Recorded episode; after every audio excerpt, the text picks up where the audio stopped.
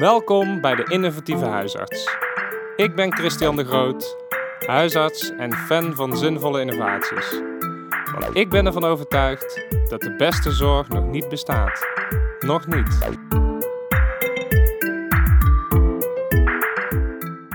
Vandaag spreek ik Sylvana Hazenveld. Ze is huisarts in Uden en mede-initiatiefnemer van Vonkelzorg. Vonkelzorg heeft drie locaties en probeert door schaalvergroting praktijken zo goed en efficiënt mogelijk te ondersteunen. Het Medisch Contactcentrum maakt hier een onderdeel van uit. Eén locatie waar alle telefoontjes van de drie praktijken binnenkomen. Ik vroeg haar naar de eerste ervaringen, hoe het is ingericht en natuurlijk wat de patiënt hiervan merkt. Sylvana, leuk je hier te bezoeken, te ontmoeten op een, volgens mij een van de eerste callcenters die overdag actief is. Ja.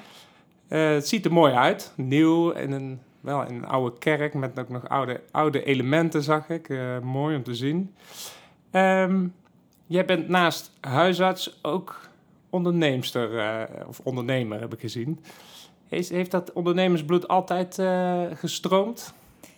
Um, ja, in die zin dat ik uh, toen ik eigenlijk huisarts wilde worden, al snel wel door had dat ik uh, een eigen huisartspraktijk wilde. Uh, omdat ik het wel heel leuk vind om te organiseren en dingen goed te regelen op de praktijk. En dat ik dat ook heel graag zelf met mijn eigen handen wilde doen. maar het is niet zo dat ik echt al van jongs af aan bedacht had dat ik ondernemer wilde worden. Dat was anders voor mijn man Robert, waarmee ik het samen doe. Die komt echt uit een ondernemersfamilie. Dus uh, in zijn familie is de hele familie ondernemer. Mm. Dus die heeft het echt van jongs af aan meegekregen. En hij heeft wel altijd als beeld gehad om te gaan ondernemen. Dus uh, toen zijn baan naar Londen werd verplaatst en uh, ja, hij besloot dat niet te doen, omdat ik zwanger was van de derde en ik net de pra eerste praktijk had overgenomen. Toen is eigenlijk Vonkelzorg ontstaan. Dus, ah, kijk, dus ja het is een stukje van jezelf, maar je partner heeft een uh, belangrijke rol hier ook in gespeeld. Absoluut. Ja. Nou, voordat ik het over dat medisch contactcentrum verder met je uh, wil hebben, uh, heb ik twee stellingen. En dan mag je alleen ja of nee op antwoorden. En op het einde komen we daar nog eventjes op terug. Stelling 1. Schaalvergroting is noodzakelijk voor toekomstbestendige huisartsenzorg. Ja. En stelling 2. Een callcenter die overdag in de lucht is, die voor meerdere praktijken telefoontjes aanneemt, wordt binnen een jaar of paar jaar een normaal verschijnsel. Ja. Kijk. Volmondig. Vol, vol overtuiging zeg je ja. Nou, dan komen we op het einde op terug. Um, ja, eigenlijk mijn eerste vraag. Waarom een centrale plek, een centrale callcenter voor de dagpraktijk? Het is een beetje gegroeid, zoals dat gaat. Hè. Wij, wij zijn als Vonkelzorg ook gegroeid.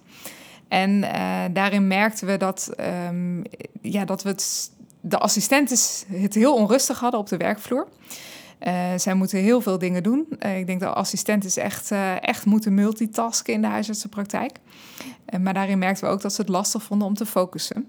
Dus met name van daaruit is dat een beetje gegroeid. Dat we steeds meer zijn gaan nadenken van... hé, hey, als we die telefonie nou eens op een aparte plek gaan zetten... Hè, je begint dan eerst op een back-office... maar ja, daar loopt nog steeds de hele tijd iedereen langs... en die stoort en die vraagt en heel onrustig... Um, en toen, zei, toen is een beetje langzaam aan het idee gekomen van, nou, op de huisartsenpost doen ze het al zo. Uh, ja, is dat niet iets wat wij ook kunnen gaan doen, waar je op één centrale plek de telefoontjes laat binnenkomen, uh, waar je dan ook een huisarts kan neerzetten als mm. regie. Dus telefoontjes kunnen gelijk beantwoord worden. Je hoeft niet meer mensen terug te gaan bellen, maar je kan vaak gelijk een antwoord geven, want je kan het direct overleggen met de huisarts. Um, en zo is dat eigenlijk een beetje ge gegroeid. En, uh, en zijn we nu met deze derde locatie, hadden we ook de ruimte daarvoor om dat te, te gaan neerzetten. En, uh, ja, en is dat nu uh, sinds september vorig jaar eigenlijk een feit dat we ook zo zijn gaan werken. Ja, ja. Dus, um, ja, dus, dus met name uit, ja, vanuit die onrust bij de assistenten dat we dachten, we willen dat zij meer focus hebben. Ja. want met zoveel taken als assistenten vind ik het ook niet zo gek dat je af en toe het overzicht niet meer hebt. Ja. En je noemt het een, uh, of jullie noemen het een medisch contactcentrum. is dat een bewuste naam voor... eh, ja, er zijn natuurlijk meerdere namen, callcenter, triagecentrum. Ja. ja, in het begin spraken wij ook wel over het triagecentrum of callcenter. Ehm, maar we vonden dat niet helemaal passen. Omdat we het niet alleen gebruiken voor de telefoontjes die binnenkomen... maar we gebruiken het echt als, eh, echt als een communicatiecentrum voor de patiënt. Dus ook de e-consulten komen hier binnen... Uh, ook de e-mails, de, um, de videoconsulten, die kunnen we vanuit hier doen. Uh, dus eigenlijk veel meer. Dus ook alle digitale communicatiemiddelen. We willen ook uh, nou, op social media actief gaan worden. dus het is niet meer alleen de telefoon. Dus dan vinden wij callcenter niet meer recht doen aan wat er allemaal gebeurt. En, en zo zijn wij eigenlijk gekomen op het medisch contactcentrum. Ja, ja mooie naam. Dus je zegt die... Um,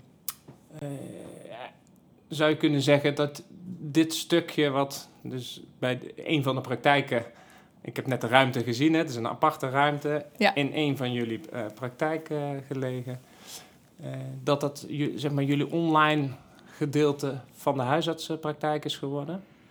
Um, ja, ik denk het wel. Ja, telefonie, ik weet niet of dat online is, maar uh, het idee is wel dat alles wat online kan, daar gebeurt. Ja. Oké, okay, ja. Um, hoe hebben jullie het, uh, zijn jullie gestart? Hoe hebben jullie, zijn jullie begonnen? We hebben eerst um, nou, eigenlijk met wat mensen uit de praktijk daarover nagedacht. Van wat willen we nou dat er dan gebeurt op het medisch contactcentrum en wat moet er nog gebeuren op de locatie zelf. Uh, en zo zijn we gewoon letterlijk gaan opschrijven van wat doet een assistente allemaal, wat doet een regiearts allemaal. Mm -hmm. uh, voor iedereen taken gaan opschrijven, die zijn we gaan verdelen per locatie. En dat zijn we gaan uitproberen. Van uh, wat werkt, wat werkt niet. Uh, wordt de receptenlijn uh, hier geluisterd? wordt de e-mail hier gedaan? Of wordt dat juist op locatie gedaan? En, um, ja, en zo zijn we dat eigenlijk gaan, gaan uitvinden door het te doen. Mm -hmm. dat is vooral hoe wij graag werken. Gewoon gaan doen, want dan kom je er vanzelf achter wat het beste werkt. En nou, nu weten we dat we op de locatie zelf de assistenten spreker doen en de omloopassistenten zijn, om het zo te noemen. Dus die doen, uh, als er een CRP geprikt moet worden of als de huisarts even hulp nodig heeft, dan uh, doen die dat allemaal. Mm. En er zit dan iemand aan de balie. Dat kan ofwel een balie-medewerker of een assistent zijn. En dat is eigenlijk hoe we de uh, locaties bezetten. En verder zit iedereen op het medisch contactcentrum om te bellen. Dus ja, en dat werkt super fijn. Dus de assistenten vinden het super. Ze waren eerst bang van, oh, dan zit ik de hele dag te bellen. In plaats van dat je afwisseling kan hebben in je, ja, met spreekuren en het bellen. Um, maar er, ja, zij, zij zijn heel blij dat het nu zo gaat, want ze hebben veel meer rust en okay. zijn veel meer gefocust. Ja. ja. En um, ik zag dat jullie ook een integratie hebben. Volgens mij is dat ook een, uh, innov een innovatie. Misschien wel de eerste, of dat weet je, dat vertelde je dat het de eerste keer is dat er in de dagpraktijk ook een integratie is met het Nederlandse triagesysteem, met NTS. Hoe bevalt dat? Ja, supergoed. Dat is echt, uh, ja, dat draagt enorm bij aan hoe efficiënt en goed we zorg kunnen leveren vanuit het medisch contactcentrum. Um, we krijgen daar veel vragen ook wel over door huisartsen. En uh, het grappige is dat um, iedereen die met de NAG-triage werkt, doet hetzelfde als wat wij doen. Want de NTS is hetzelfde als de NAG-triage-standaard. Mm. Dus dat is gewoon één op één hetzelfde. Dat wist ik zelf niet toen we daaraan begonnen. Dus dat was mijn eerste vraag: van wat is het verschil? Dat is er niet. Dus toen dacht ik al, nou, dat lijkt me prima, want wij werken al met de NRG triage standaard. En toen bleek ook nog eens dat ons HIS uh, het in hun HIS al heeft zitten, omdat zij ook een HIS-leverancier uh, zijn voor de huisartsenpost. Aha, uh, dus toen was het voor hun een kleine moeite om het aan te zetten bij ons in het systeem. Ja. En nu kunnen wij dus gewoon in de gegevens van de patiënt beantwoorden wij alle vragen van de NTS. Die klikken we aan. Dat komt gelijk als naslag in het journaal te staan. En je kunt ook gelijk de adviezen aanklikken die je moet geven en die aan de patiënt geven. Waardoor je een hele sterke documentatie hebt ook in het journaal.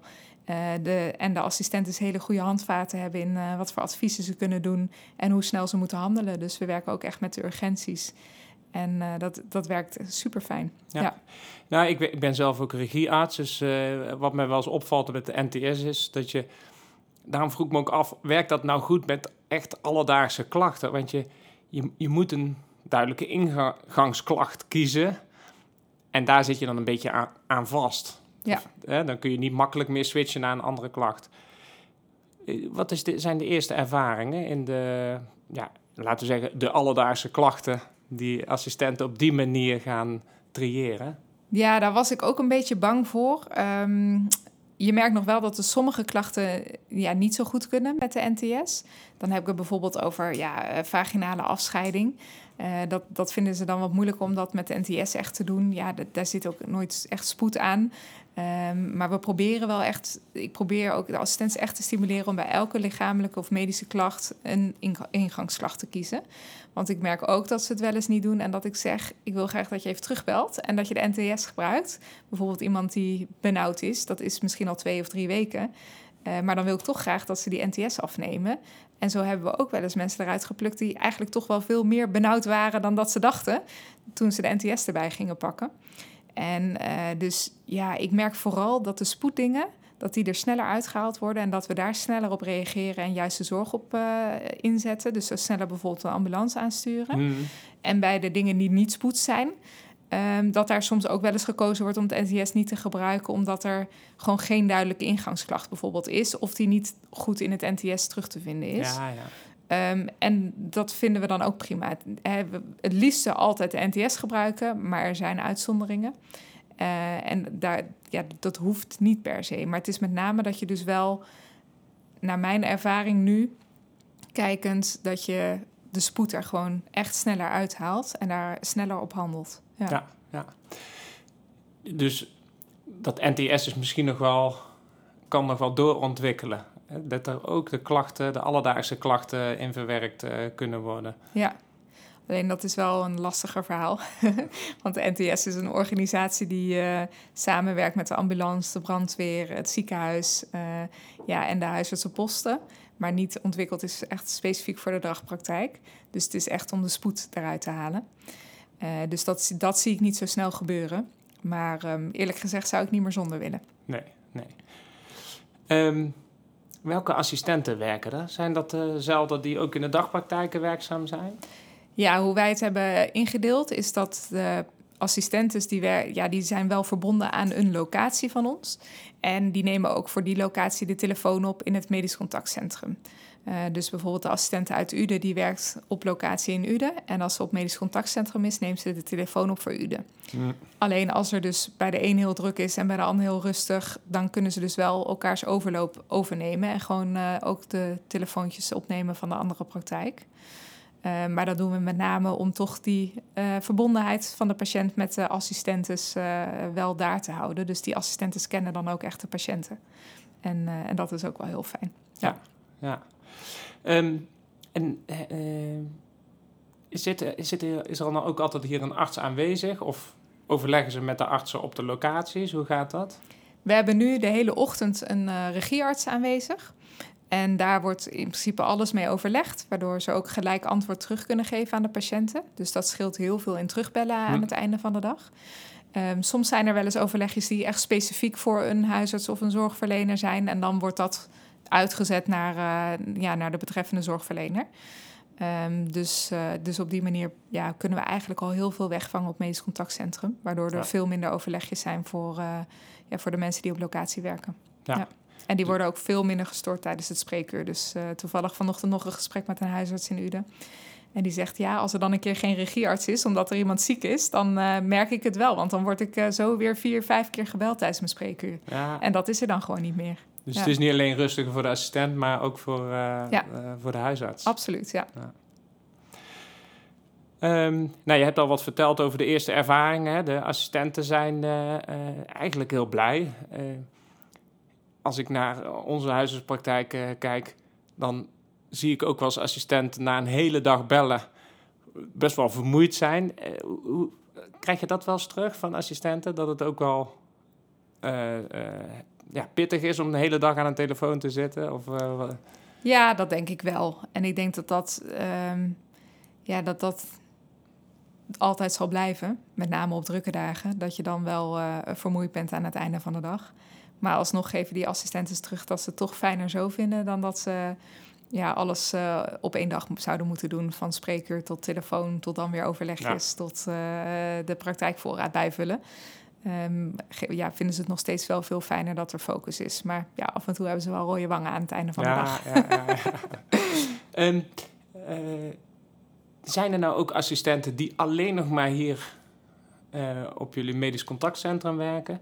Of is het altijd een hybride eh, taak die ze krijgen? Ehm, dat kan allebei.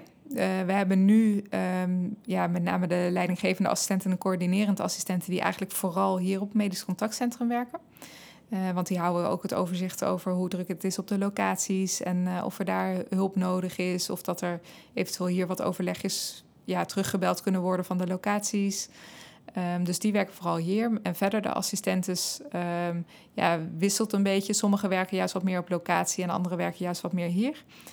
Ehm, dus daar is alles in mogelijk. En ook als assistenten het leuk vinden om juist eh, expert te worden in die triage, dan, dan kunnen zij ook hier eh, alleen op het triagecentrum eh, Ja. werken. Ja. Dan missen ze misschien wel een beetje de kennis van de dagpraktijk. Of Ja. ehm, de, de, dan leren ze de patiënten misschien anders kennen. In ieder geval niet meer lijfelijk. Nee, dus ja, we hebben dat nu niet. Dus nu werkt iedereen ook nog op locatie. Ja.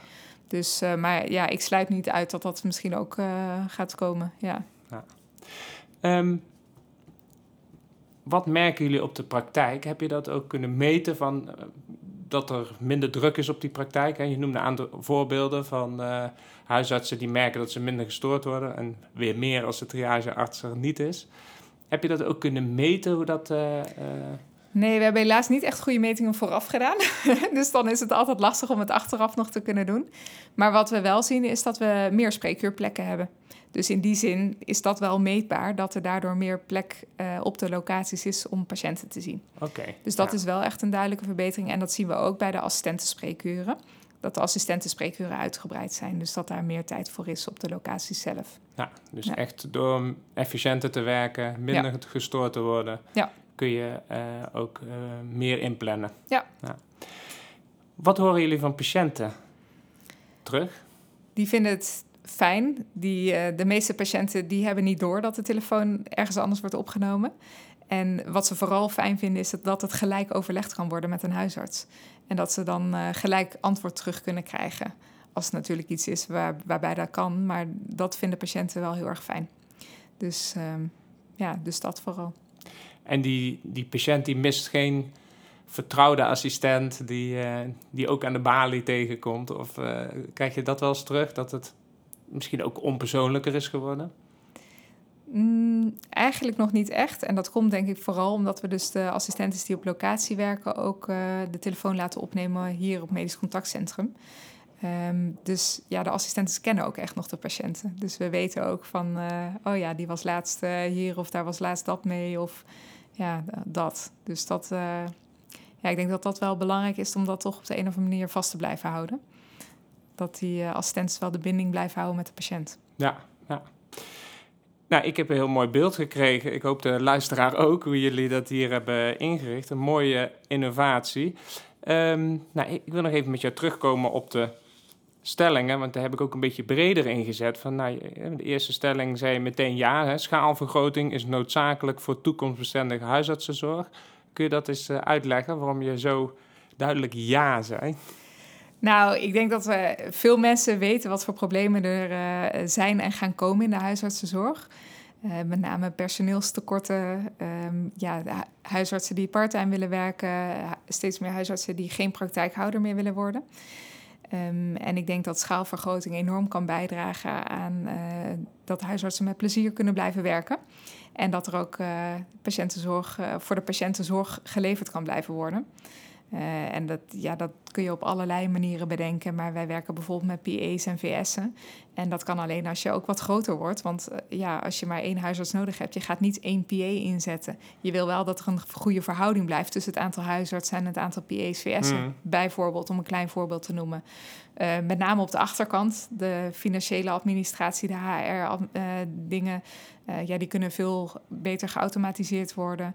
Ehm, we hebben nu sinds kort een HR-manager aangenomen, waardoor we een heleboel dingen zelf niet meer hoeven te doen daarin. Eh, waardoor wij ons weer kunnen gaan focussen op de zorg. En eh, de mensen die bij ons werken ook echt dat kunnen doen wat ze leuk vinden. En uh, dat zie ik gewoon absoluut gebeuren door, door schaalvergroting. Maar dan daarbij altijd de aandacht voor de patiënt houden. Ja, en dat is de uitdaging. Ja. En stelling 2. Een callcenter, of ja, jullie medisch contactcentrum, hoe je dat noemt, ja. overdag voor meerdere praktijken wordt binnen een, ik had een paar jaar, ik, had, ik wilde hem nog scherper zetten, wordt binnen een jaar een normaal verschijnsel. En toen zei ja. je ook ja. Ja, en dat komt omdat ik uh, merk dat uh, huisartsen geïnteresseerd zijn in wat wij hier aan het doen zijn. En ook steeds meer huisartsen met een vraag komen van... stel dat we een keer een zieke assistent hebben... of het is te druk bij ons of we hebben een personeelstekort... zouden telefoontjes dan ook bij jullie opgenomen kunnen worden? Uh, dus ik denk dat, uh, dat daarin ook schaalvergroting en dan ja, het werk met het medisch contactcentrum echt voordelen heeft. En ik merk dat er steeds meer mensen in de regio in ieder geval naar ons toe komen om te kijken van zijn daar oplossingen voor te bedenken. Ja. Dus, en technisch is het goed mogelijk, hè? daar hebben we het eigenlijk helemaal niet over gehad, maar de ja. techniek met telefooncentrales kunnen doorschakelen is eigenlijk geen, geen punt meer. Hè? Nee. nee. nee, dus dat is er gewoon in te regelen. Ja. Um, nou ja, we hebben het over schaalvergroting gehad. We hebben het over uh, wat je zegt van de huisartsenzorg. Zal daar echt mee gebaat zijn. Ehm, tot hoe ver gaat zo'n schaalvergroting? Zou je ja, ook een soort landelijk triagecentrum of regionaal triagecentrum, heb je daar ideeën over? Ja, ik denk je kan best een grote schaal bereiken, maar ik denk dat je het altijd regionaal moet inrichten. En uh, dat heeft ermee te maken dat je ook regionaal uh, weer andere afspraken hebt, toch met zorggroepen te maken hebt, uh, andere populatie hebt. Um, ja, er, er, spelen allemaal dingen, denk ik, waar, waarom je dat beter is om dat regionaal in te richten. Um, dus je zou wel bijvoorbeeld in twee of drie regio's kunnen zitten met een medisch contactcentrum. Maar dan zie ik niet dat er één medisch contactcentrum voor heel Nederland zou zijn. Dat, uh, dat, dan ga je te ver met je schaal. En dan kan je ook niet meer die aandacht voor de patiënt houden, denk ik. En als je dat regionaal regelt, dan kan je dat uh, hopelijk op de manier zoals wij dat doen uh, wel bereiken. ja. ja. ja. Ja, dan heb je natuurlijk ook nog de, de verschillende gemeenten en uh, sociaal domein uh, waar je mee samenwerkt. Hè? Ja, zeker. Nou, uh, ik vond het een, leuk, inspirerend gesprek. En nou ja, zoals de luisteraar die wat vaker luistert gewend is, dan komt nu de laatste, of ja, de zin die jij de laatste, of de luisteraar mee wil geven. Ja, en dat is: wil jij ook dat de huisartsenzorg verbetert? Wees niet bang om te veranderen en zelf ook te gaan doen. Dit was de innovatieve huisarts. Met een inspirerend verhaal om de zorg slimmer in te richten. Ik zoek verder naar nog meer mooie innovaties. Je hoort snel van me.